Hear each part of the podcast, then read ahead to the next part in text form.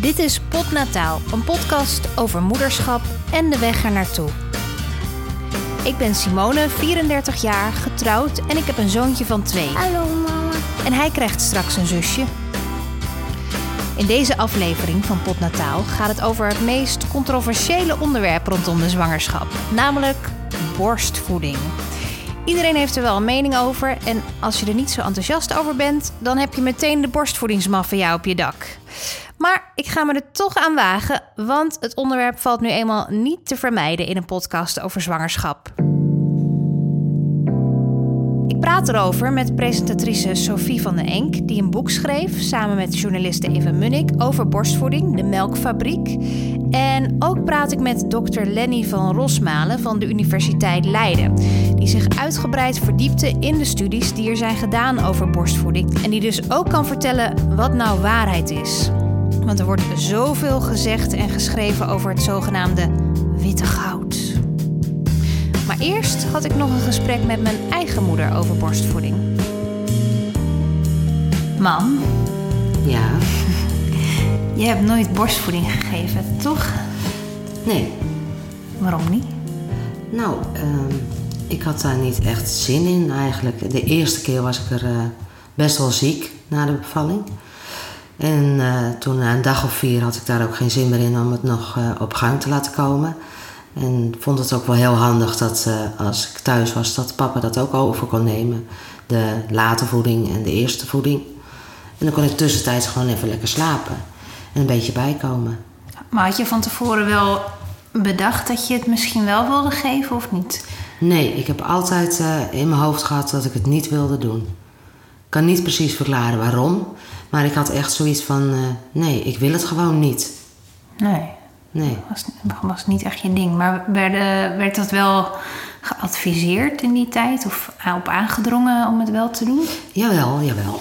Er werd zeker wel op aangedrongen. Er werd ook vanuit de, de kraamzorg eh, gevraagd en in het ziekenhuis werd het gevraagd. Na de bevalling willen ze toch eventjes bij je aanleggen. En eh, toen heb ik ook meteen gezegd dat ik dat niet wilde. En dan reageren ze toch wel heel vreemd hoor, dat je dat niet wil. Want ze gaan ervan uit dat je dat iedereen gewoon standaard wil. En er zijn ook genoeg mensen die het gewoon niet willen. Nee. Maar voor jou was het meer omdat je het eigenlijk al niet zo, niet zo stond te trappelen, maar en omdat je je niet goed voelde. Ja, en het was gewoon niet mijn ding. Nee. Nee. Maar je, je hebt het ook niet geprobeerd, dus je weet het ook niet helemaal zeker natuurlijk. Nee, maar ik heb er ook nooit geen moment spijt van gehad dat ik het niet heb gedaan. Nee. Ik vond het eigenlijk best wel fijn zo. Ja. Ja, En kwam het er nog wel op gang uiteindelijk? ja zeker wel. dat was een beetje jammer. maar daar hebben ze het volgende op gevonden toen. Dan binden ze ze gewoon even lekker strak op. En dan mag je er niet meer aankomen. En dan worden ze zo'n beetje vierkant. en eh, en eh, koude compressen erop. En uiteindelijk stopt het. Ja. Hoe lang duurde dat? Weet je Nou, dat meer? duurt wel een, eh, een eh, aantal weken. Hmm. Want soms begint het spontaan gewoon weer. Als het te warm wordt of zo, dan komt het gewoon zo weer op gang. Ja. Althans, dat had ik wel. Ja, ja. Ja. En dan zit je weer met koude compressen en eh, ja, dan stopt het weer. Oké, nou ja. En nu achteraf gezien, heb, sta je daar dan nog steeds achter? Of zou je misschien in deze tijd wel eerder het hebben geprobeerd? Omdat misschien nu er meer mogelijkheden zijn of m- me- meer begeleiding en een, eh, ja, misschien een, een, een zachtzinniger keizersnede. Nee, ik zou denk ik gewoon ook weer voor hetzelfde kiezen. Mede ook, eh, eh, papa vond het heel leuk om erin betrokken te zijn. Die vond het heel prettig dat hij ook gewoon met het kind op schoot zat en een flesje mocht geven. En het was heel close voor hem. En vooral in, eh, in de laatste, eh, laatste voeding. Dat vond hij altijd heel prettig. Dan was hij alleen. En eh, ehm, ja, ik moet eerlijk zeggen, ik heb het nooit vervelend gevonden zo. Jullie hadden altijd genoeg. Je wist zeker dat je voldoende voeding had. Je hoefde niet te zeggen van ik ga het even wegen, want het komt tekort en het huilt. Kijk, als het huilt, dan weet je in ieder geval zeker het heeft genoeg gegeten. Dan kan je het wel eh, aanvullen met een beetje water. Maar voor de rest wist je dat gewoon zeker. Dat het niet tekort kwam. En dat vond ik voor mezelf altijd wel heel rustig. Ja. En je hebt, eh, je hebt niet het gevoel dat je ons tekort hebt gedaan. Nee, heb je misschien zelf het idee dat je denkt... Goh, ik had wel even aan willen hangen. Niet te laat voor, hè? Ja, dat gaan we even niet meer doen. Maar... Ja, ja, het schijnt wel dat je, dat je nog intelligenter uh, geweest had kunnen zijn... als je een borstvoeding had gehad. Ik dan. Ja, ja, ja. ja. nog intelligenter. Oh, oké.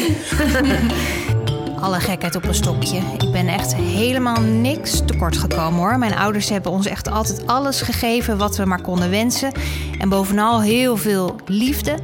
En dat mijn moeder in de jaren tachtig bewust voor koos om geen borstvoeding te geven aan mij en mijn zusje doet daar helemaal niets aan af.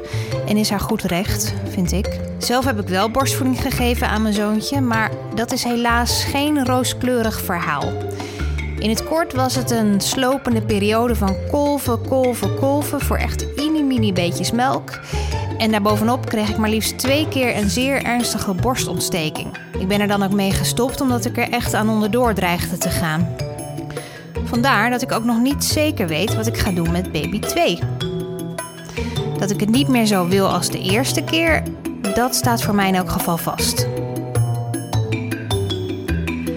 Toen ik gestopt was met borstvoeden, kwam een boek van Sophie van de Enk over borstvoeding uit. En hoewel het voor mij dus eigenlijk net te laat kwam, hielp het me toch nog met terugwerkende kracht. En zometeen leg ik uit waarom. Nu, een paar jaar later, lees ik het boek opnieuw en ga ik op visite bij Sophie. Omdat ik denk dat jij, aanstaande moeder, podcastluisteraar, ook heel veel kunt hebben aan wat zij te vertellen heeft over dit onderwerp. Ik ontmoet haar op een warme zomeravond bij haar thuis, waar zij en haar man en twee kinderen nog niet zo heel lang wonen. Dus ze zit nog met haar handen in de verf als ik aankom. Hey, hallo. Oh, hi. ja, dat is, ik weet niet, ja. ik geef vast af. Of ja, valt mee. Leuk. Okay. Je hebt in het smurfensnat gezeten vandaag. Ja. ja. nee, ik heb net... Uh, oh, je bent wat schilderen. Mijn Eco Lodge. Uh, ah. Mijn Eco Lodge office building. Ah. Uh, Aha. Um, Lekker. Ja. Nou, ik was wel even een klein stukje verkeerd gereden. En ik, ja. Ik, ik deed natuurlijk, ik pakte eerst een verkeerde afslag. Dus toen moest ik nog een keer een stuk de snelweg over. En toen, oh shit. En toen reed ik hier en toen reek op die weg. En toen dacht ik, oh ja, dit bedoel ze met de vent weg. Ja. dus toen moest ik alsnog een keer. En, maar, Want het lijkt me zo vervelend als je op die weg, die is toch 80, ja. en dan zit er iemand achter je en ja, dat was ook zo, ja. of zo. Dat hoeft niet, dat je neemt gewoon de volgende, die ja. uh, navigatie pakt het wel op of zo. Ik ben daar gekomen, dus, uh, dus uh, dat scheelt. Maar leuk, wat een leuk huis. Oké, okay. na negen afleveringen van Pot Nataal herken ik hier wel een patroon in. Volgens mij ben ik nog nooit ergens aangekomen zonder dat ik eerst verkeerd reed of verdwaalde. En moet ik mijn klunzigheid op de weg ook steeds weer uitgebreid delen met iedereen? Ik heb echt geen idee waarom ik dat doe, maar goed. Met een flinke pot thee en koekjes gaan we lekker in de tuin zitten. Die trouwens wel grenst aan het spoor, dus het zou kunnen dat je hier en daar een trein voorbij gaat horen komen in deze podcast. Maakt het wel heel lekker authentiek. Oh, en de kat van Sophie. Die heeft ook nog een glansrol in deze potnataal. Oh, Frankie, we hebben een enorm praatgrage kat. Wil je er ook op? Ja, graag. Hey. Echt, die heeft hele verhalen. Geen idee. Echt zo'n praatkat. Ja. ja. En dat is sinds we hier wonen. Oh, hij was in het andere huis veel stiller. Grappig. En dikker trouwens. Dus oh, ja, hij is veel beweging. Ja, Nee, lieverd. Je moet even naar binnen gaan naar de baas. Dan krijg je lekkere brokken. Hè? Voor de brokken laat Frankie zijn podcastambities graag varen. En dan kunnen wij het hebben over het onderwerp waarvoor ik ben gekomen. Namelijk borstvoeding. Ik heb hem toen gelezen nadat ik al bevallen was en al heel veel borstvoedingsellende oh. achter de rug had. Maar toch had ik er nog wat aan. Want ik vond het wel achteraf toen las ik heel veel van die verhalen. En toen voelde, maakte dat.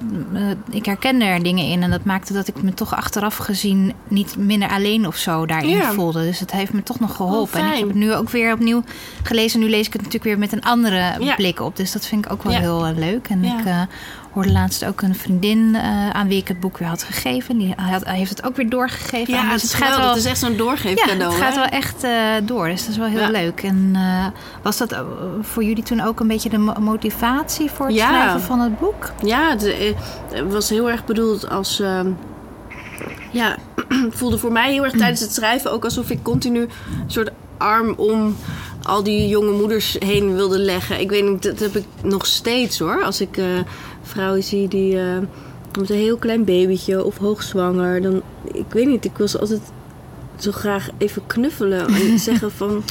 Je, Kom wel goed. ja, jij knappert. Kijk jou nou eens even gaan, hè? Met, met, met die enorme buik en die borsten. En, oh. en ik weet hoe het voelt of zo. Ik, ik vond het Ja. heel raar dat er niet een soort universele moederlijke solidariteit is wat dat betreft. Ik dacht echt dat als je zwanger was, dat het dan een beetje zou zijn zoals buschauffeurs of zo. Elkaar altijd zo eh, even die vinger Je hoort bij de club. Ja. Ja, ik dacht, nou dan, dan, dan ja. Je hoort ergens bij of zo. Het- bij, het- bij de moederclub, ja. En, want ik, ik, ik, ik verbaasde me er heel erg over met, eh, met Magnus, mijn oudste. Dat daar geen leuk, relaxed borstvoedingsboek was. Gewoon Nee. alles zo ja, best wel belerend ook. Van hè, borstvoeding is de beste manier om je kindje te voeden. En eh, je geeft, eh, ja, is vloeibaar goud. En eh, de beste manier om liefde te geven aan je kind ook. Toen dacht ik, jee, maar hey, hallo. En als het nou niet lukt, Ja, ja. vond ik zo raar. En ook zo'n zo'n foto van als je baby groter wordt. En dan was het meteen een foto van een kleuter bij de moeder aan de borst. Dat ik dacht, wow. Ik weet niet. Ja, als je, het, je zoekt die, dat soort informatie ben je aan het zoeken als je er nog niks van weet. Dus dan kun je beter een beetje relaxed beginnen. Met de doelgroep. Ja. Zo van, oké, nou. In plaats van meteen af te schrikken. Ja, zo, dit is het concept. Er zit een baby in je buik en straks die eruit is, komt er melk uit je borsten. Hallo, dat is best gek. Meer vanuit die verwondering of zo, dat miste ik heel erg. Toen dacht ik, nou, zal, iemand zal het wel gaan schrijven. Want Ja. het hing echt in de lucht. Duitse Kroes was erover aan het Instagrammen. En ik denk, nou, nu gaat het wel komen. En toen was, werd Reina geboren, 2,5 jaar later. Mijn dochter. En toen was het er nog steeds niet. Toen dacht ik, ja, Dan moet ik het maar doen. Ja. ja, word ik dan zo'n BN'er die dan zo'n boek gaat schrijven? eh, omdat ze moeder wordt en ook zoiets nodig kwijt moet. Maar ja, Nou, zo'n boek is het niet, vind ik, is, is het niet geworden. Het is een, juist een boek waarin gewone vrouwen, vind ik heel erg aan het woord. eh oh, even trein. Ja, ik woon aan het spoor.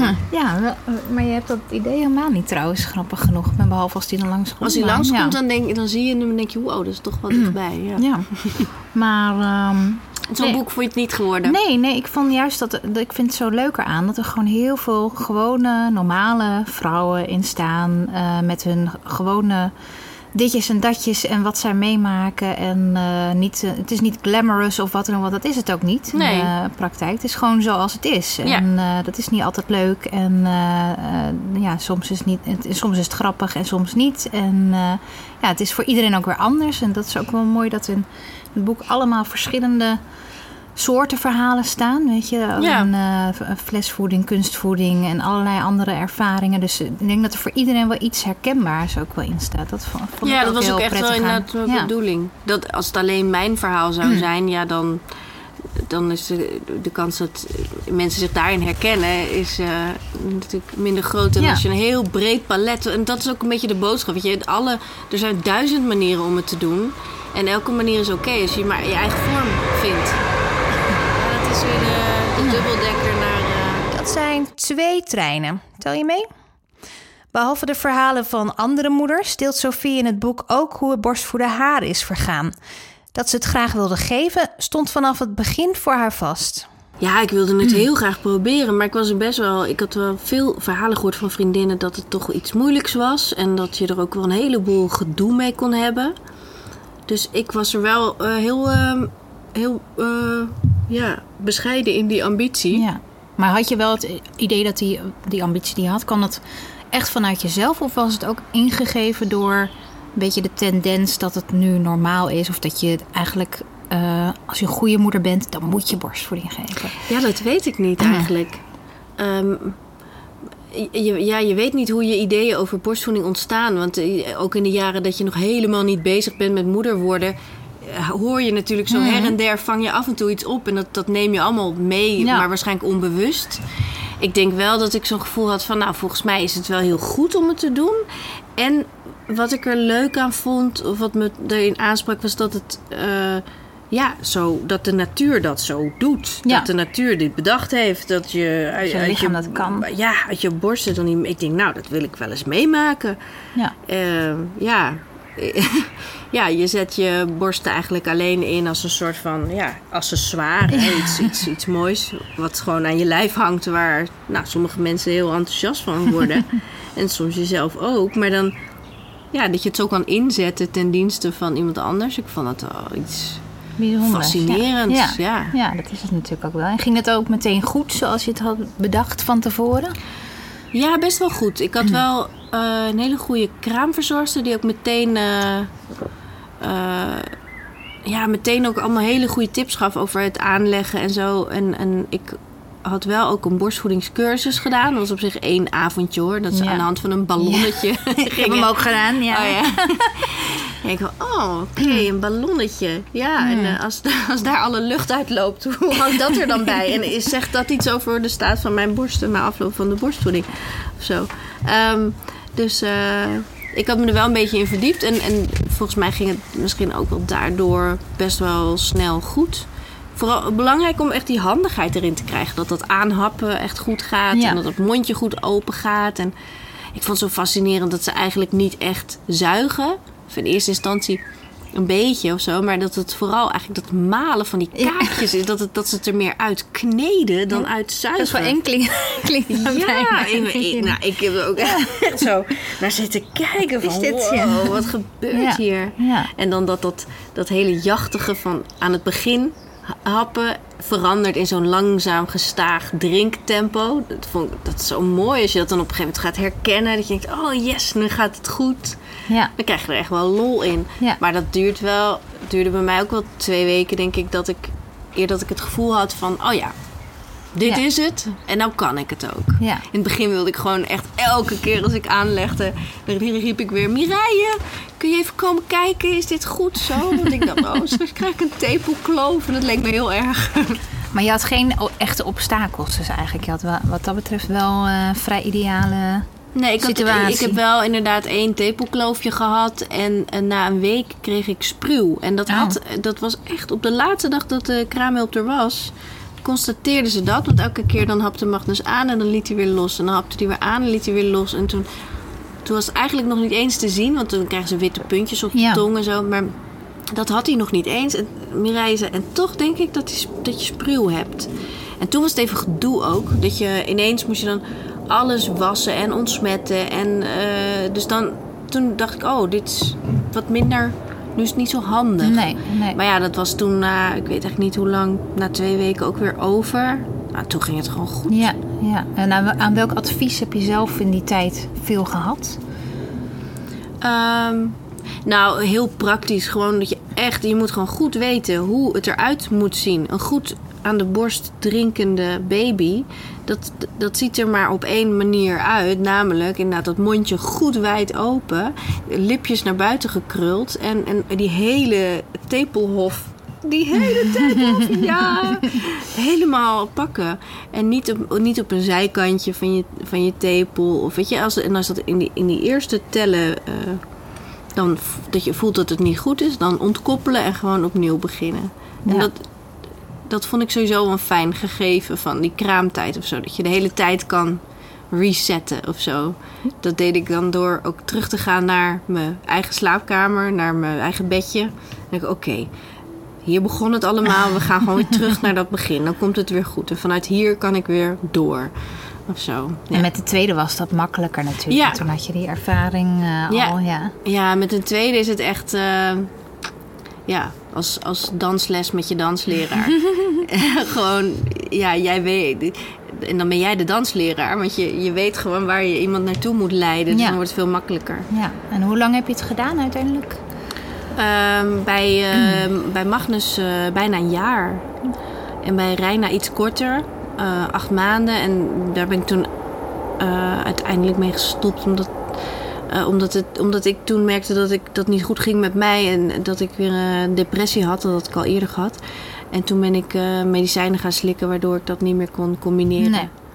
Maar ja, dan voel je natuurlijk ook weer... maanden. eh, ja, acht maanden. Maar toch hè, voel je je dan heel schuldig. Ik denk, ja, maar mijn zoon heb ik langer gegeven. En, eh, Ik, eh, Ja. dat, dat schuldgevoel en borstvoeding, dat ergens zit dat op de een of andere manier misschien toch wel gewoon heel erg met elkaar verweven. Het is natuurlijk zo'n totale zelfopoffering, sowieso hoor, vind Ja. ik. Zwanger zijn, het moederschap, Zeker, ja. borstvoeding. Je bent gewoon een jaar, nou ja, negen maanden in ieder geval bezig. En dan daarna ook nog wel een jaar voordat alles weer een beetje Ja, normaal is. Soort Ja. van, ja. En je geeft dat letterlijk met je eigen lijf. Hè? Het is gewoon. Een vader kan natuurlijk, eh, een partner, kan nog zoveel liefde en aandacht geven. Maar het, het gaat, jij wordt gewoon van binnen uitgehold. Jij draagt dat Ja. kind. Jij kan eh, daarna niet meer eh, lekker op de trampoline meespringen Nee. met je kinderen zonder dat je denkt, nou ja. ik Kan ook wel in een Tena Lady reclame. Ja, weet je, het is gewoon ja. heel erg heftig. Niet te onderschatten ding. Daarom zou ik ook nooit iemand veroordelen die zou zeggen van... eh, oh ja, nee, borstvoeding, dat is toch niet echt iets voor mij. Ik zie het niet zo voor me. Nee. Omdat, ja, wat je geeft als moeder... Dat, hoe je het ook verder invult... Nou ja, goed, er zijn wel slechte scenario's denkbaar... maar geen borstvoeding geven is niet een van die scenario's. Nee, nee. Het is gewoon, ja, je geeft zoveel. Maar toch is dat wel een beetje... Tenminste, ik weet niet hoe jij er nu tegenaan kijkt... of daar misschien al verandering in is. Eh, heb je het idee dat, dat hoe er tegen moeders aangekeken wordt... die besluiten om geen borstvoeding te geven? Heb je het idee dat de borstvoedingsmafia daar eh, wat, wat coulanter tegenover aan het staan is? Of is dat Nou. nog steeds wel heftig? Ik, ik heb wel dus het idee, eh, maar ik spreek die mensen niet persoonlijk, want die hebben mij een beetje. Ja, ik weet niet. Ik heb nooit, ik heb nooit. De, borstvoedingsmafia, dat zijn eigenlijk maar een paar mensen in Ja. Nederland. Er zijn een paar hele fanatieke pro-borstvoedingstypes die wel heel hard, eh, heel hoog van de toren blazen. In die, de- zoals eigenlijk met alle vrij extreme standpunten waar het ook over gaat in de wereld. Eh, de, die paar mensen die heel hard roepen, daar krijgen, gaat toch een hoop aandacht naartoe. Maar het zijn maar een paar mensen. Ehm, en ehm, ja, die eh, hebben, hadden heel erg bedacht dat ik betaald werd door eh poedermelkfabrikanten of zo. Of, eh, de- de- dat ging op fora, ging dat zo rond. en dat hoorde ik dan weer omdat wij samenwerkten met allerlei lactatiekundigen. Die zeiden, nou, haha, kijk eens wat er over jullie gezegd wordt. Ik heb het boek geschreven samen met Eva Munnik. En ehm, eh, nou ja, dat is helemaal niet zo. Het is gewoon ons eigen idee. Maar Ehm, zij hebben, er is een, het borstvoedingshandboek is geschreven door me- mensen die ik zou rekenen tot de wat fanatiekere eh, aanhangers van het fenomeen borstvoeding. Die hebben nu een herziene editie gemaakt. Oh ja? Ja, en eh, waarin ze ook wel aangeven van eh, misschien eh, is de, de- we hebben ingezien dat de toon wat moderner kan en eh, dat het Oh. misschien wat anders moet. En eh, ik, ik kon niet anders dan daarin toch lezen dat ze wel eh, iets ter harte hadden genomen van Ja. dat standpunt. Want ik heb uiteindelijk ook een keer een lezing gegeven bij eh, La Leche League. Dat is eh, een. eh, eh, ook Ja. een, borstvoedingsbelangenvereniging. En ehm, dat is wel een hele leuke club. Maar er zitten ook wel de fanatiekere types zitten daar ook bij. Oké, komt er een trein. gestuurd door de borstvoedingsmafia. Mijn pleidooi te ondermijnen. nee, maar ik was daar uitgenodigd. En toen ja, heb ik ook heel erg gezegd van... ik ben super voor borstvoeding. Ja. Alleen om eh, vrouwen ervan te overtuigen dat het leuk is en haalbaar is... moeten we ook vrouwen aanspreken op een andere manier dan eh, met... eh, ja, baby's met antroposofische mutsjes die tot hun zevende bij de ouders in bed mogen slapen. Dat is niet En mainstream. het is ook niet altijd haalbaar. Nee, het is niet altijd haalbaar. ja. Mm. en Het is niet, ook niet heel aansprekend voor iedereen. Nee. Dus ja, ik reken mezelf tot een soort van de gemiddelde, moderne, normale vrouw. Ja, Nog een trein. het is een drukke avond. Ja.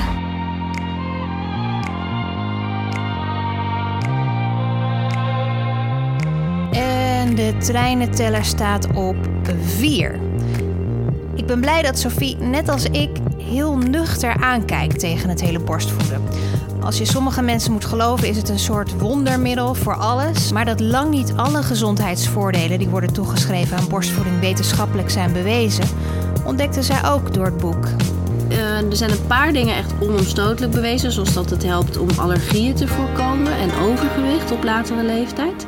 Ehm, en als product kun je het redelijk makkelijk vergelijken. Als je een flesje eh, poedermelk neemt en een, en een flesje gekolfde borstvoeding, dan kun je die twee producten met elkaar vergelijken en zien Ja. wat het verschil is. Maar wat het doet met het kind, en dat is natuurlijk waar het om gaat. Hè? Hoe, hoe is de wisselwerking tussen die voeding en met name de darmen van, van het kind? En, ehm, en wat is dan het effect op langere termijn? Maar dat zou betekenen dat je twee kinderen, eh, eh, niet, niet twee kinderen, maar een heleboel kinderen met elkaar moet gaan vergelijken om dat echt wetenschappelijk aan te tonen. Ja, en je moet dus moeders dwingen om een, een groep kunstvoeding en een groep borstvoeding. Dat, Ja, dat gaat kan natuurlijk niet. Dat, nee. is, dat is helemaal eh, niet m- moreel. Nee. En, ehm, eh, dus dat, dat, en, en ook, je weet ook niet wat dan de levensomstandigheden zijn van Nee. kinderen verderop. Want er zijn natuurlijk zoveel dingen die van invloed zijn op de ontwikkeling van jouw gezondheid en je leven, je intelligentie. Ja. Kun je van, een, van iemand van 20 zeggen: Ah, kijk eens, die heeft eh, een universitaire opleiding afgerond. of een succesvol bedrijf uit de grond gestampt. omdat hij borstvoeding heeft gekregen? Ja, dat nee, kun je niet zeggen. Kun je, zou je Nee. nooit kunnen zeggen. Nee. Ik heb zelf ook geen borstvoeding gekregen. Kun je nagaan hoe ja. succesvol ik zou zijn geweest. Ja. Maar ja, Oh. dat, dat, dat weet je dus niet. Dus daarom is dat is ook wel een reden om je niet gek te laten maken. Ehm, wat in ieder geval wel gezegd wordt, is bijvoorbeeld die eerste weken, dat het daarin wel echt een groot verschil kan maken voor eh, de weerstand en de darmflora Ja. van het kind. Dus, maar dan heb je het echt over de eerste drie weken. Ja. Dat is zeker. Ja. En dan, ja, Ja. het- daarna is het natuurlijk ook altijd nog goed. Maar wat ook zo is, is dat borstvoeding is ook geen statisch product. Nee. Hè, jouw borstvoeding is anders dan die van mij. Ja. En eh, ik heb zelfs iemand gesproken die er onderzoek naar had gedaan. De beste borstvoeding is de borstvoeding van de Maasai-vrouwen in Afrika. Dat is toch ongelooflijk? Die hebben door hun, sa- de samenstelling van hun dieet en de, ja, de, de levensomstandigheden daar... daardoor wordt die melk nog weer anders en nog veel hoogwaardiger Ja. van kwaliteit dan, eh, Want dat- dat- dan hier. Ja, en dat was toch ook diegene die had gezegd dat eigenlijk 90% van de borstvoeding gewoon eigenlijk niet voldoet aan het ideale, aan de ideale samenstelling. Ja, zeg aan de ideale norm, inderdaad. Ja. Ja, ja. Ja, en die, hij werkte natuurlijk dan voor Friesland Campina, dus daar kun je dan daar weer op afdingen. Maar dat is wel een, eh, ja, een professor die daar heel veel onderzoek naar eh, heeft gedaan. En die helemaal zich gespecialiseerd heeft echt in de, op moleculair niveau van Ja. die voeding, hoe dat, wat voor effecten dat heeft. Ja. Ja, ja. Moeilijk hè? Ja, het, Het, is, het, is heel, het is heel moeilijk. Je kan alleen, en, maar wat, wat in ieder geval niet goed is voor een kind, is een hele gestreste moeder. Nee. Dat- Dat is hoe dan ook slechter dan, eh, dan eh, een flesje. Ja. dus ehm, als je het gevoel hebt dat borstvoeding jou heel veel stress oplevert. En eh, dat de, de keus voor de fles heel veel rust oplevert. Van tevoren al. Dan, eh, dan, dan moet je daar gewoon pal voor gaan staan. En dan heeft iedereen dat Ja. te accepteren. Ja. Jezus, hè, wat een avond.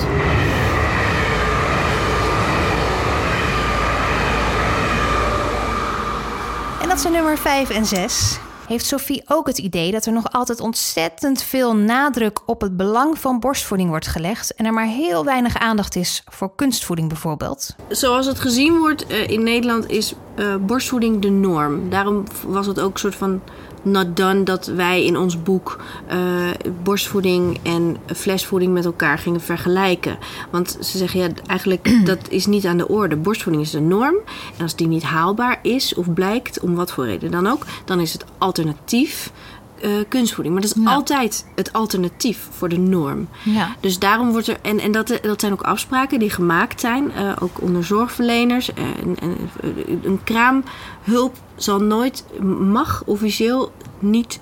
ehm, eh, flesvoeding gaan aandragen als alternatief.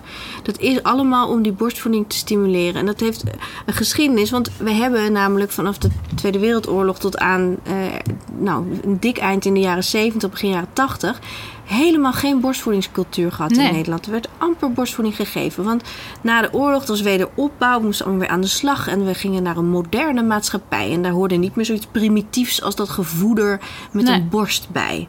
Dus we gingen allemaal de fles. En dat, nou ja, dat was de overtuiging in die tijd. En daarna kwam al het wetenschappelijk onderzoek, wat eh, onder invloed ook van de dames van La Leche League, dat komt uit Amerika, hebben we dat allemaal weer op de kaart gezet. Van joh, maar die borstvoeding, dat is hartstikke goed. En eh, vanuit die overtuiging, die ik heel goed begrijp, maar die ook te gek is, eh, zijn ze misschien net iets te fanatiek geworden. Ja, ja. En is een beetje die borstvoedingsmafia ontstaan. Waardoor vrouwen van onze generatie zoiets hebben van... oh, hallo, even rustig met je ja. borstvoeding. Ehm, eh, maar dat is een beetje de achtergrond van, van dat fanatieke gepush op, op die borstvoeding. Ja. Omdat het een hele tijd is verdwenen. En dat zal je misschien soms ook wel merken aan je moeder of je schoonmoeder... die zegt van, joh, wat loop je toch te tutten met die borsten. Ja, ze slaat de spijker op zijn kop. Dat is inderdaad precies wat ik hoor van vrouwen van mijn moeders generatie. En die zijn er eigenlijk veel relaxter in dan wij moeders van tegenwoordig. Wij leggen onszelf zoveel druk op, op alle fronten en dus ook op borstvoedingsgebied. Of de borstvoeding lukt, hangt trouwens ook nog van iets anders af, weet Sophie. Ja, het hangt er ook maar net vanaf wie er aan je bed staat natuurlijk. Dat En je ook, hebt- ja. dat, dat is zo, veel, zo alles bepalend. Je hebt ook nog echt zusters van de oude stempel... die eh, eh, het, het hoofd van het kindje richting die borst gaan duwen... bijvoorbeeld vlak na de bevalling. Nou, daarvan is echt aangetoond, dat werkt echt averechts. Want dan krijg je dus juist een reactie... dat de baby het hoofd naar achter gaat duwen. En eh, dan wordt het een stressvol moment. Ja. En dan wordt die borstvoeding meteen geassocieerd... in dat kleine babybreintje met, met stress. Dat werkt, dat, dat is echt een goed eh, middel om het snel te laten mislukken. Ja, Dus ja, je weet niet of, of de mensen die aan jouw bed staan straks eh, goed geïnformeerd zijn. Daarom is het zo belangrijk om zelf, Om zelf niet te weten wat je veel- wil. Ja, Ja, ja. want er zijn zoveel ook. Dat is ook wel iets van onze generatie. Ja, dat is weer een eh, vaatwasser. oh ja. Die het fijn vindt om heel uitvoerig te laten weten dat zijn dienst erop zit. Die van ons doet altijd een muziekje. Dat is Oh. ook eh, Wat leuk. nou, dan schenk ik nog even thee eh, bij. lekker. Klein intermezzo. Oh ja, behalve een kat en een heleboel treinen bevat deze aflevering ook nog het geluid van een vaatwasser. Want veel vrouwen denken van, oh, maar dat is toch allemaal natuurlijk, dus dat gaat toch vanzelf. Maar Ja. dat, is, dat is nou net niet het geval. Het is wel natuurlijk, maar het gaat niet vanzelf. Ja, nee. Bevalling wil je ook een beetje hulp bij. Dus Ja. een klein beetje inlezen van tevoren. Zorg dat je gewoon echt sterker in je schoenen staat. Zoals je moeder dan heeft kunnen doen toen ze echt voelde van, nee, dat wil ik niet. Ja. Nou, Ehm, ik denk niet eens dat, ze, dat het toen... Ik denk dat het toen helemaal niet zoveel materiaal was om in te lezen. Maar meer Nee. vanuit haar gevoel. Nou, dan heeft ze Ja. wel toch daar haar gedachten al een keer Ja, over laten ja. gaan voor die tijd. Anders dan kan ik me haast niet voorstellen dat je in, die, in dat moment Nee. zo helder bent, bent. ja. Ik, of, nou, ik ken jouw moeder natuurlijk niet, maar ja, het is goed om, om zelf te bedenken waar je ongeveer staat. En dat ook met je partner te overleggen. Want dat zijn grenzen die je moet bewaken op een moment Ja. dat het, nou ja, dat heb jij zelf dan meegemaakt ook met de, met de geboorte van je oudste. Dat Ja. liep allemaal anders. Ja. En dan, maar dan is het kind er uiteindelijk. En dan moet je ineens iets met die borstvoeding. En, Ja, en dan- onder invloed van hormonen ga je daar dan, sta je er ook wel weer heel anders in eh, dan. Tenminste, dat heb ik ook wel zo ervaren. Dat ik wel eh, misschien daardoor, gewoon omdat je toch een beetje van de leg bent en niet helemaal eh, jezelf of helemaal niet Ja, jezelf. Dat je toch eh, over je grenzen en zo heen Ja. eh, gaat. Tenminste, dat, dat idee heb ik wel. Ja. Dat ik dat heb gedaan. En eh, heb, je, heb je, had jij dat gevoel? Heb je, en heb je iemand gehad die jou daarbij hielp om te zorgen dat, het, nou, dat je op tijd stopte of wat dan ook? Ja, ik heb dat, we hebben dat wel heel uitgebreid besproken van tevoren hoor. Waar, waar onze grens lag en zo. En ik, had echt gezegd van nou, ik wil het een maand proberen. En als het dan gedoe oplevert, dan, eh, dan moet jij me bij de les eh, trekken, André. En dan moet Ja. je echt zeggen. Ja, en André was ook de, degene die hem, die Magnus als eerste een keer een eh, flesje eh, poedermelk gaf. Toen ik een avondje weg was. Nou, ik helemaal over de zijk natuurlijk. Hoe kan je dat erin doen? En ehm, Alsof je puur vergeet. ja, dat je, en, eh, ja, ja je, op dat moment, ik, ik merkte aan mezelf ook wel hoor, dat ik best wel fanatiek werd. En ook eh, ja, Ja. echt pro-borstvoeding, joh. Ja. Dan echt door die hormonen. Je, je bent helemaal, Ja. ja. denk, ja, maar dit is, dit is het gewoon. Dit moet. Er is geen enkele andere. Nee, nee, en ook omdat het veel moeite kost. Tenminste, ja, Ja. dat was bij mij in ieder geval wel zo. Dat Ja. je denkt, eh jeetje, al dat werk. Oh, en, en dan, en als je dan op en dan dat kolven op een gegeven moment. En dan, als, als, als dan iemand per ongeluk te veel melk had ontdooid... en dat dat weggegooid moest worden. Gekolfde Oh, nou, melk. we hadden van die flesjes. Want hij, ik kolfde inderdaad, maar, eh, want hij wilde niet aanleggen. Maar we hadden van die flesjes van, eh, hoe heet dat merk?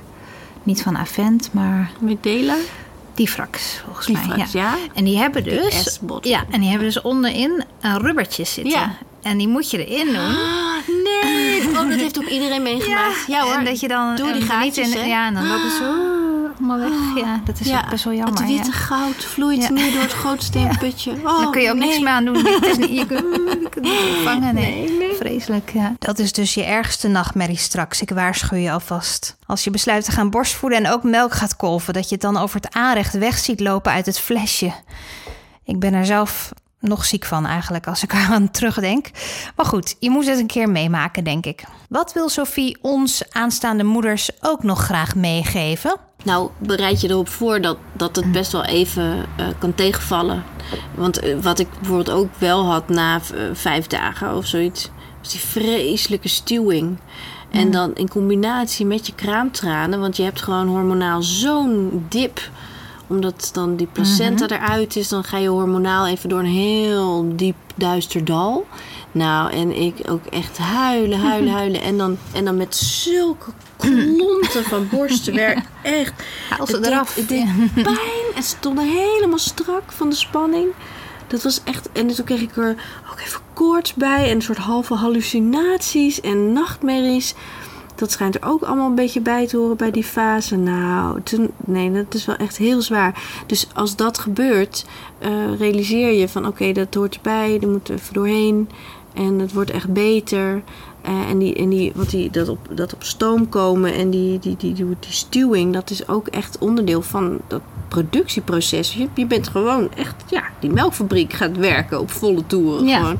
Dus dat hoort erbij, maar dat is wel even heel vervelend eigenlijk. Ja. Dus stel je, stel je niet in op een roze wolk, maar bereid je een beetje voor en weet dat er elementen zijn die echt gaan tegenvallen.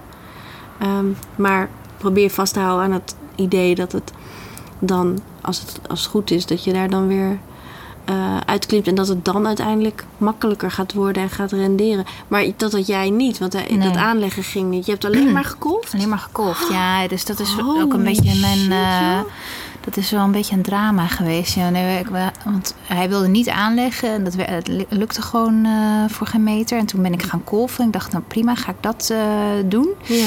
Maar het, het vervelende was dat ik echt heel lang moest kolven voor heel weinig melk. Dus ik had eigenlijk altijd tekort. En eh, ja, je bent dan dus heel lang bezig met dat kolven en dan nog voeden. Dus je houdt ook nergens meer tijd voor over. En ik, Maar dat eh, jij dat hebt volgen, hoe lang heb je dat gedaan ja, bijna acht weken denk ik. En ik kreeg ook nog twee borstontstekingen. Dus dat, was, eh, dat heeft echt een beetje de das omgedaan. Hoor. Ja. Dat was, waren echt van die, echt flink hoor. Dat je echt gewoon acuut zie- ziek wordt. En op het, nou, het was een beetje op het randje van opnemen in het ziekenhuis, ja of nee. Ik weet het, hè. Gelukkig. Trein nummer 7 komt ook nog even langs tijdens dit dramatische verhaal van mijn kant.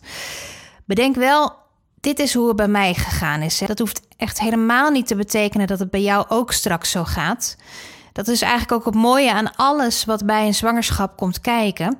Voor iedereen is het anders. Dus laat je zeker niet afschrikken, maar wees ook wel realistisch. Ik denk dat dat in heel veel gevallen in het leven een goed advies is trouwens. Nee, en je kan echt met, met, met bevallen en met borstvoeding ontzettend pech hebben of geluk hebben. Ja, het is gewoon inderdaad van, ja, hoe is je, hoe, hoe is je bekken en... Ja. eh, of je, een vriendin van mij die had eh, ingetrokken tepels en die vond toch dat ze moest borstvoeden.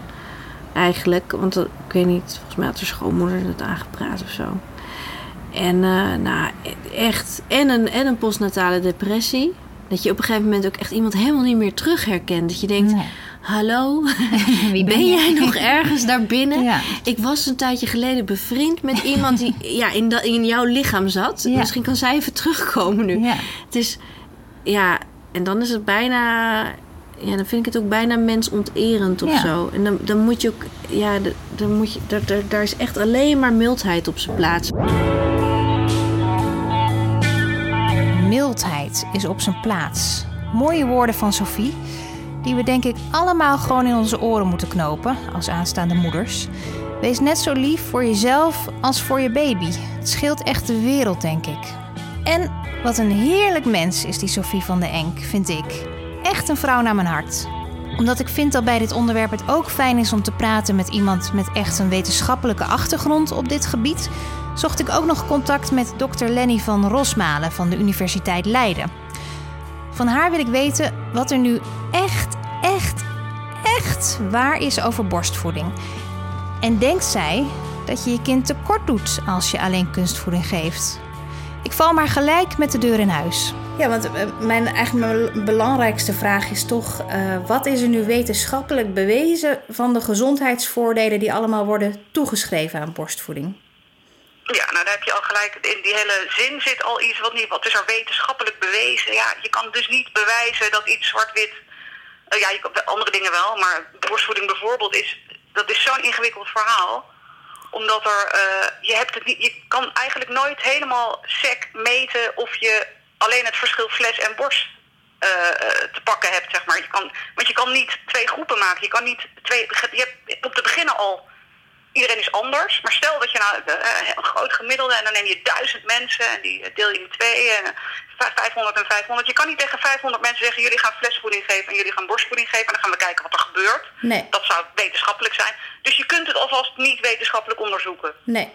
Um, en als je dan gaat kijken wat dan die, de, de, de gezondheidsvoordelen zijn, die komen wel uit. Ze komen trouwens niet uit alle studies, dus het ligt er maar een beetje aan uh, wat voor studies je te pakken hebt. En dan doen ze weer meta-analyses. Dus die, weet je wat een meta-analyse is? Een studie over andere studies. Ja. Dus dan pak je alle studies die gedaan zijn over een bepaald onderwerp.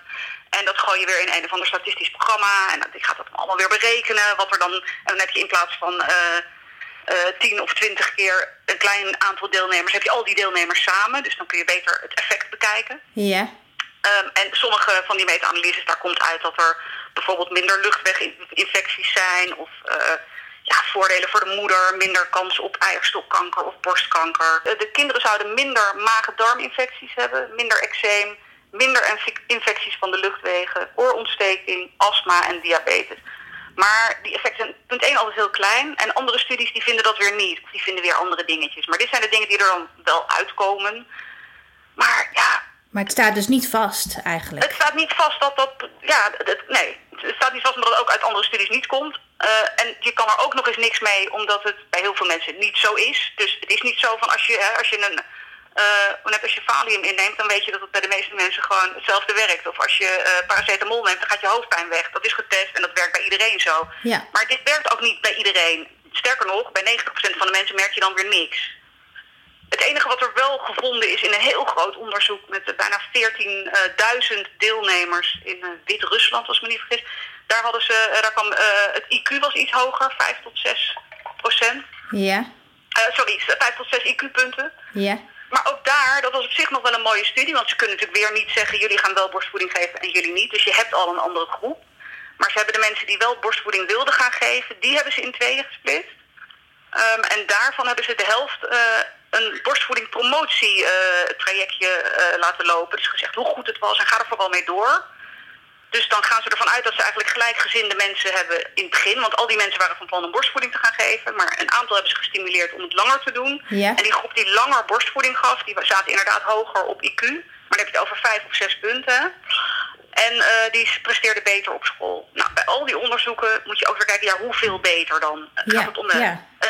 Een, een 8 en een 9? Of gaat dat, en moet je daarom mensen uh, soort helemaal blind laten kijken op dat ze, dat ze per se borstvoeding moeten gaan geven? Ja, nee dus zou ik zeggen. Maar, dus we zijn er helemaal niet uit. Uh, een ander ding is uh, intelligentie met borstvoeding bijvoorbeeld. Komt dat door de ingrediënten uit borstvoeding of komt het, wordt ook gesuggereerd, en dat is ook een hele logische verklaring. Als je borstvoeding geeft, doe je dat veel vaker op verzoek. Want Ja. je weet niet hoeveel een kind heeft gedronken. Met een flesje weet je gewoon, er zit zoveel in. Dus als je over een uur weer begint te huilen, nou, dan gaat dat nergens over. Bepaal je als moeder. Want er zit al zoveel milliliter in. Ja. een centiliter, weet ik veel wat, klaar. Dus draai je om en ga slapen. Met borstvoeding denk je, ja, alweer honger. Nou, hup, hup, borst bloot, kind eraan. Uh, maar dat betekent dat dat kind al heel snel leert dat wat hij doet effect heeft.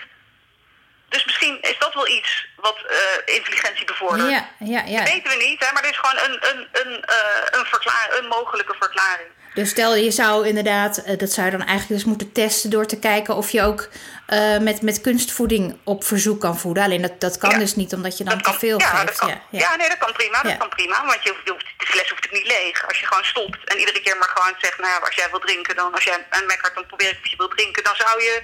Maar goed, dat is weer een ingewikkeld onderzoek. Want dan heb je dus met allemaal ouders te maken... die toch een andere insteek hebben... eh, dan de ouders die dat niet willen doen. Ja. Je kan niet tegen mij zeggen... jij moet op verzoek gaan voeden. Nee. Misschien zeggen ze, oké, ik ga het proberen. Maar dan weet je nog niet in hoeverre ze dat goed doorvoeren als ze daar niet helemaal achter staan.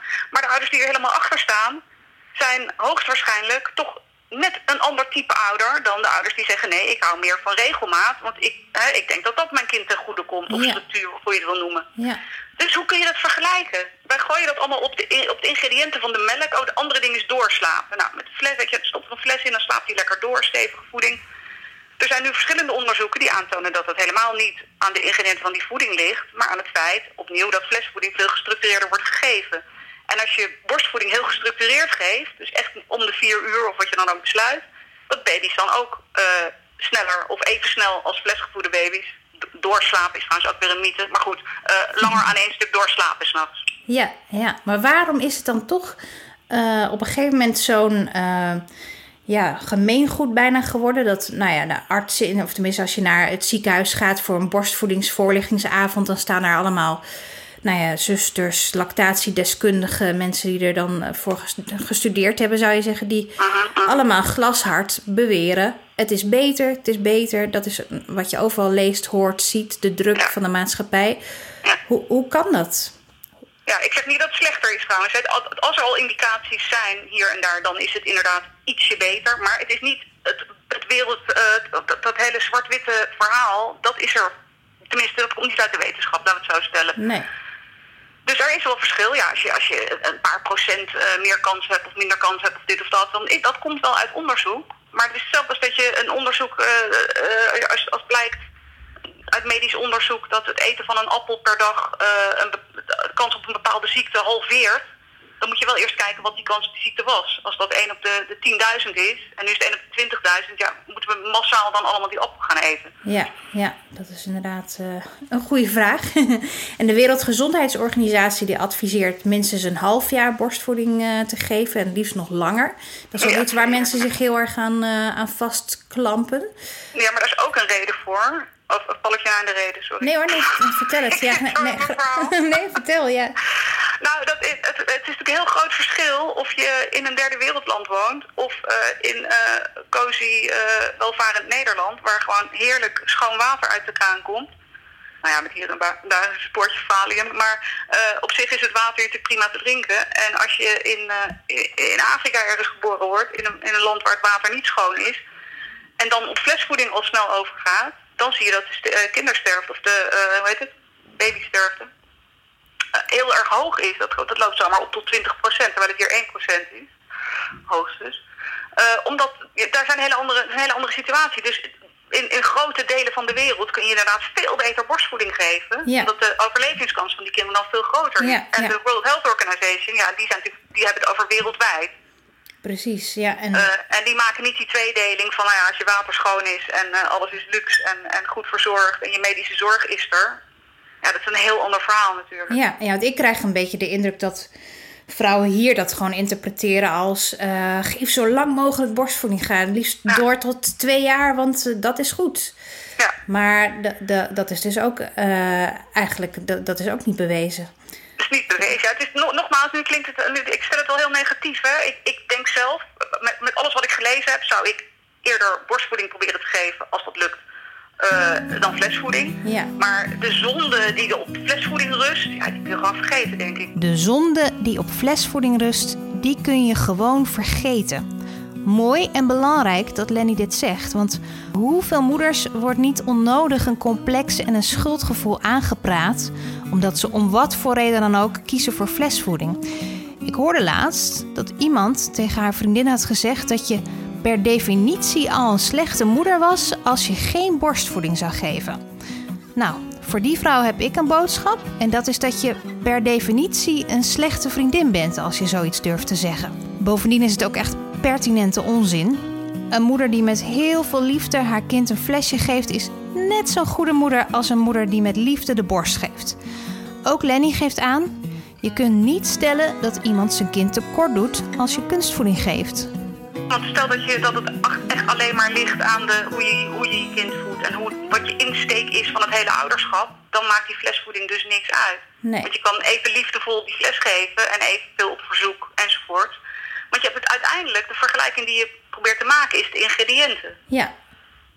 En hoe goed kunnen ze dat nu tegenwoordig al namaken, weet je dat?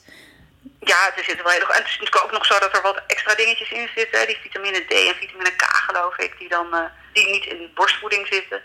En in borstvoeding zitten dan ook wel weer giftige stoffen die we als moeder eh, opslaan. En die er dan in de voeding uitkomen. Ja. Maar als je dat weer gaat meten, de studies die dat te stellen tegenover de vermeende voor, eh, voordelen, dan wegen die voordelen weer ietsje zwaarder. Ja. Dus ja. dat is zeker geen reden om het te laten. Nee. Maar, en nogmaals, borstvoeding is denk ik in de algemeenheid dan ietsje beter met wat we nu weten. Maar ja, het is niet zo dat je dus geen... Je kan beter, denk ik, eh, als het niet lukt... Hè, nou, je probeert borstvoeding, prima. Dat lijkt me een goede insteek. Begin daarmee. Kijk of het lukt. Lukt het niet, ja, ga niet lopen stressen. En eh, een ongelukkige moeder lijkt me eh, veel groter effect hebben... dan de ingrediënten van de flesvoeding. Een blije moeder is een blije baby. Dat moeten we in onze oren knopen. Iets wat voor veel moeders ook belangrijk is, is het argument dat je door borstvoeding sneller je zwangerschapskilo's kwijt zou raken.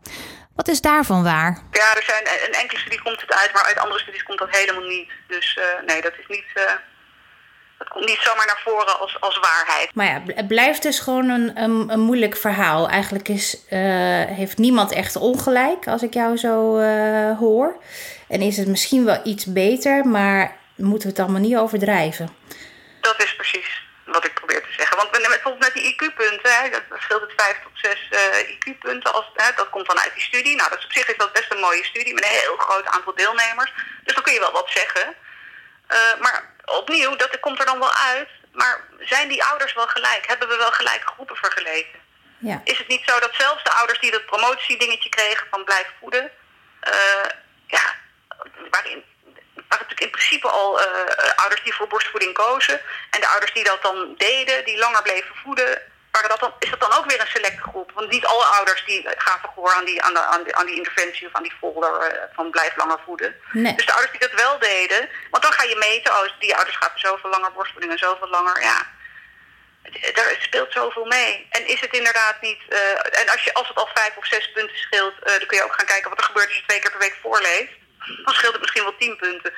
Dus ja, je kan het ook, eh, als dat effect echt heel erg belangrijk zou zijn, of e- echt, echt meetbaar. Dus als het echt vijf of zes punten zou schelen, zou je dat dus weer op kunnen lossen, bij wijze van spreken, door twee keer voor te lezen. Dit verzin ik nu hoor. Dat ik, weet, ik weet niet hoeveel het scheelt als je voorleest, maar ik weet wel dat dat ook in IQ scheelt. Ja, Of, of een, ander, een ander iets om dat IQ op te krikken. ja. Ehm, dus ja, not all is lost als je, als je fles geeft. Nog een argument uit het pro-borstvoedingskamp is dat voeden aan de borst zou zorgen voor een betere gehechtheid. Dit is wat Lenny daarover te zeggen heeft. En ook dat is, eh, dat is onderzocht een aantal keer en daar, nee, daar komt niets van terug. eh, in ieder geval in de wetenschappelijke de, de eh, onderzoeken die daarnaar zijn gedaan zijn, die, die bevestigen dat niet. Dus een kind is even vaak veilig gehecht eh, als die de fles krijgt. Dan, maar Ja. ook dat, is, ja, dat kun je daar helemaal niet aan afmeten in principe. Maar goed, omdat dat gezegd wordt, meten ze dat. Maar gehechtheid en liefdevolle band hangt natuurlijk niet samen met een fles of een borst. Nee, nee maar, dat vind ik inderdaad goed, goed dat je dat eh, zegt. Ik, ik ken eh, eh, genoeg mensen die inderdaad met een fles grootgebracht zijn en net zulke goede, net zo'n goede band met hun ouders hebben als, eh, als andere kinderen. Mijn, zoontje trouwens, eh, hetzelfde verhaal. Die heeft ook eh, via de fles zijn voeding binnengekregen. Dus, Ja. En ik merk daar helemaal niets van. Dus, Nee, het is gewoon een leuk kind, hè? Ja, ja, precies. Ja. Maar ik vind het verbaast me gewoon dat mensen zo. Ja, mensen willen er misschien gewoon heel graag in geloven dat het zo is. Zou dat het Ja, zijn? het, het is natuurlijk misschien wel zo dat ouders die... eh, je hebt natuurlijk moeders die wat... Ja, hoe moet je dat zeggen? Die wat... eh, nou ja, op een manier omgaan waardoor die band wat minder wordt. Hè. Ik heb genoeg mensen die op de bank bij de psycholoog liggen en over hun moeder hebben. Ehm, maar dat wil niet zeggen dat het in die flesvoeding zit. Maar dat zijn, misschien zijn dat wel moeders die sneller voor een fles zullen kiezen. Maar Ja. dat is wat anders. Dan ligt de oorzaak niet bij de fles, maar bij de moeder. Ja, ja, exact. En als je dan die groepen gaat vergelijken, ja, nou, alleen maar fles en borst, dan zeg je, nou kijk eens, bij die borstgevoede kinderen, daar komt wat anders uit. Ja, maar dat is helemaal niet die fles. Dat is omdat die moeder, een, an- dat een ander type moeder, kiest misschien vaker voor een fles. Maar dat wil niet zeggen dat alle moeders die voor een fles kiezen, dat type moeder is. Lenny weet trouwens ook nog uit eigen persoonlijke ervaring dat je er nog zoveel onderzoeken en opvoedingsadviezen bij kunt halen, maar dat het uiteindelijk ook bij elk kind weer anders is. Dat ga je straks zien als jouw tweede kind er is. Dat je denkt, nou bij het eerste kind deed ik dit en dit en dat. En dat ging allemaal goed. Dus ga je, ik dacht bij mijn eerste kind ook, en had ik hem, eh, ik, ik, had hem heel lang borstvoeding gegeven. En eh, hij mocht dan zelf kiezen wat hij at. En ik forceerde niks, had ik overal gelezen dat dat goed was. Ja. Ik droeg hem ook de hele dag in een doek. Want ik had dat boek gelezen van Jean Dietlof. Oh ja. Nou, dat ging het helemaal worden. Ja. Dus ik liep daar als soort natuurmoeder eh, ging, ik, eh, ging ik door Den Haag.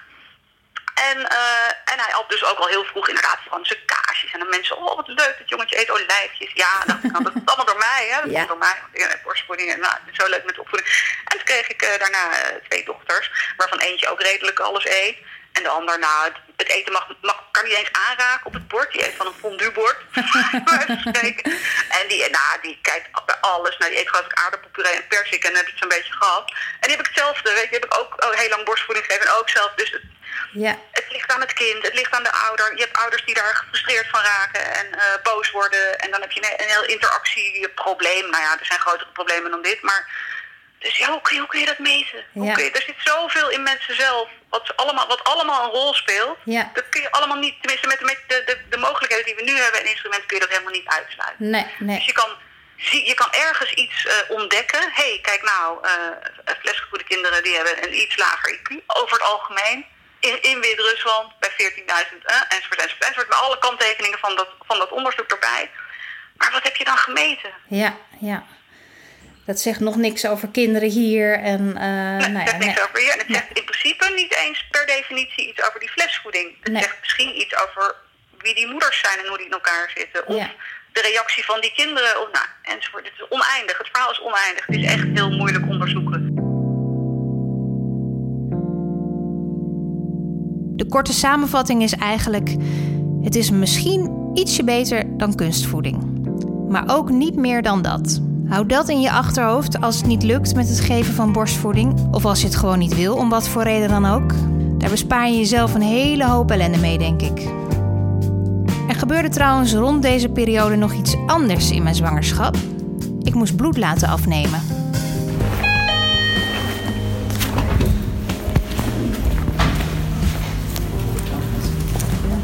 Hallo, goedemorgen. Rustig voor maandagochtend, of lijkt het zo? Ja. Meestal is het wel, eh, wel druk.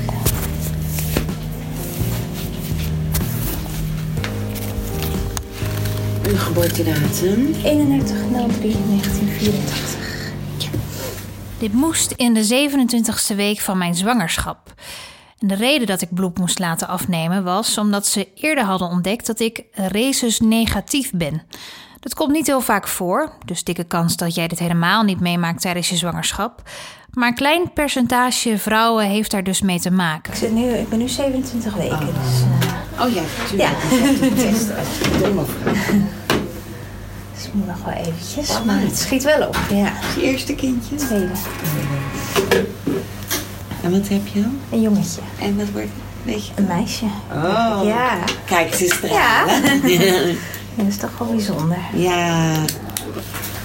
Gezondheid belangrijkste. Maar Zeker. als je het voor het kiezen hebt, wil je wel jongen meisje. Het is wel heel leuk, ja. Het maakt het nog net weer iets specialer of zo. Ja, hè?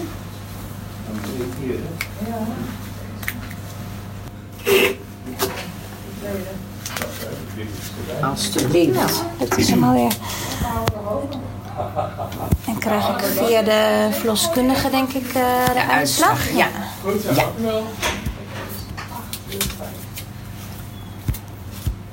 En wanneer je daar weer een afspraak hebt, meestal Eh, combineren ze het met... Ja, nou dinsdag al. Kun je, de- uh, Oh, dus nee, morgen dan is wel heel hebben snel, nee, nee, dan eh heeft ze nog niet, denk ik. Nee, dat ga je niet redden. Nee. Maar een keer erop dan en dan zal ze dat vanzelf met Ja. bespreken. Nou, hartstikke goed. Oké, dankjewel.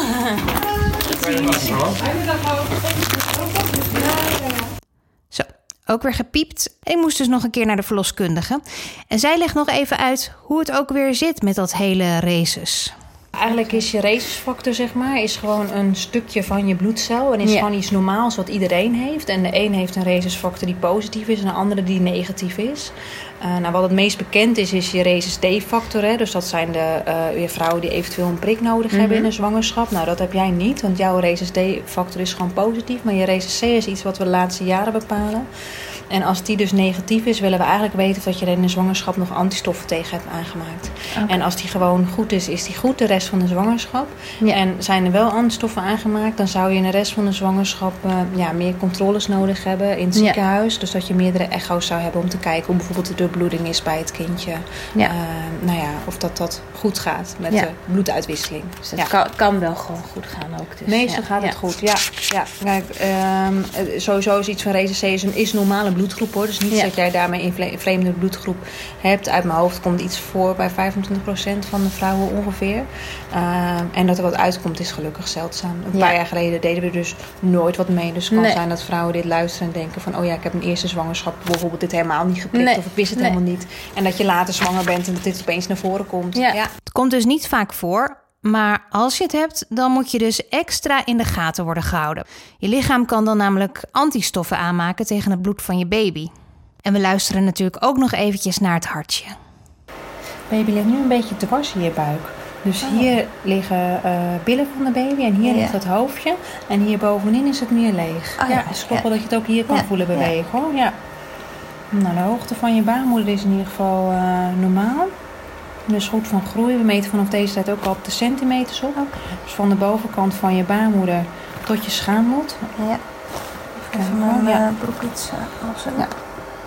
Zit hier zo. Net strak je broek.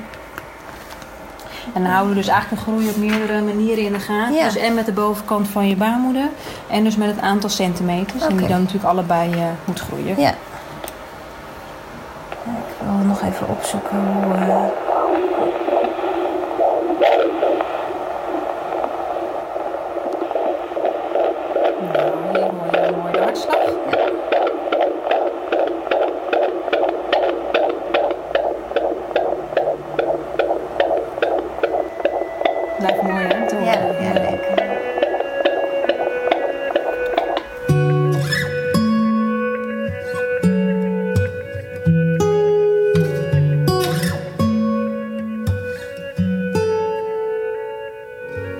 Tot zover deze potnataal. De volgende tiende aflevering zal voorlopig de laatste zijn.